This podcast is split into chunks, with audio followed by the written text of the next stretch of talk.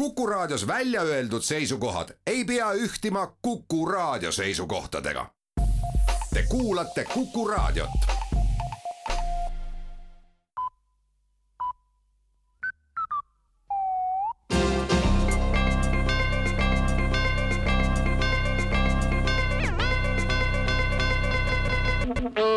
tere kuulama uudiseid stuudios Rohke Debelak erakondade juhatused kohtusid eile õhtul, et arutada valimiste põhiteema küsimust. siiani ei ole ükski erakond põhiteemat leidnud ja isegi välja ei ole keegi midagi pakkunud. ilma selleta valimistele minek oleks aga esmakordne taasiseseisvunud Eesti ajaloos on erakondi, mis on seisukohal, et valimiste põhiteema ongi ületähtsustatud ja saab vabalt ka ilma selleta hakkama. pealegi saavad valijad kohe aru, et põhiteema on püsti pandud lihtsalt selleks, et teeselda, et toimub mingi sisuline poliitikaga tegelemine. seetõttu otsustasid erakondade juhid, et korraldatakse ideekorje valimiste põhiteema leidmiseks kui ka valijad ei paku midagi välja, siis korraldatakse põhiteema leidmiseks ka riigihange veel võttis valitsus eile vastu põhimõttelise otsuse põhiseaduse muutmiseks. pärast riigis välja kujunenud finantsilis-mentaalset olukorda otsustas valitsus, et põhiseaduses tuleb ära muuta seaduse see osa, mis sätestab, et riigis on kõrgeima võimu kandja rahvas.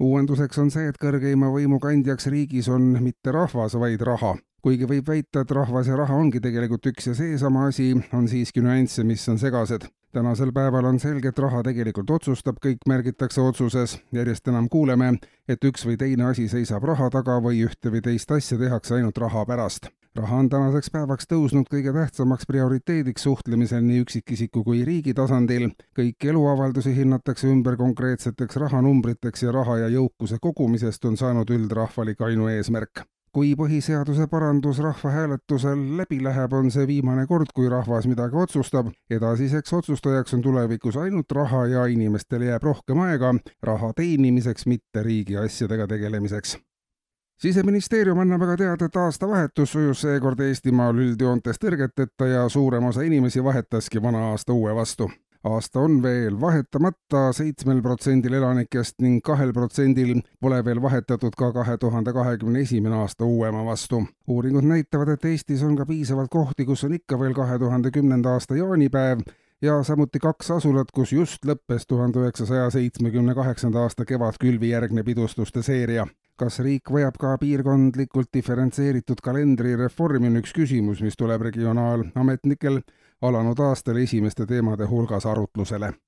ja ka ärevatel teemadel Kaitsepolitsei ja FBI on alustanud ühise juurdluse.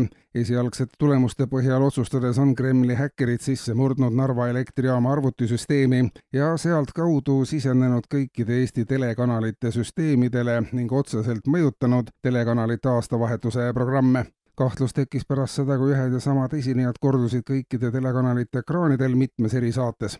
Ekspertiis näitas, et süsteemidesse sisestatud pahavara muutis telekanalite algselt plaanitud põnevaid ja huumoriküllaseid programme oluliselt.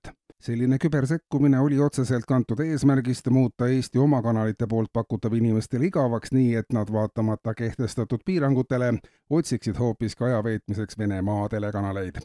kuulsite uudiseid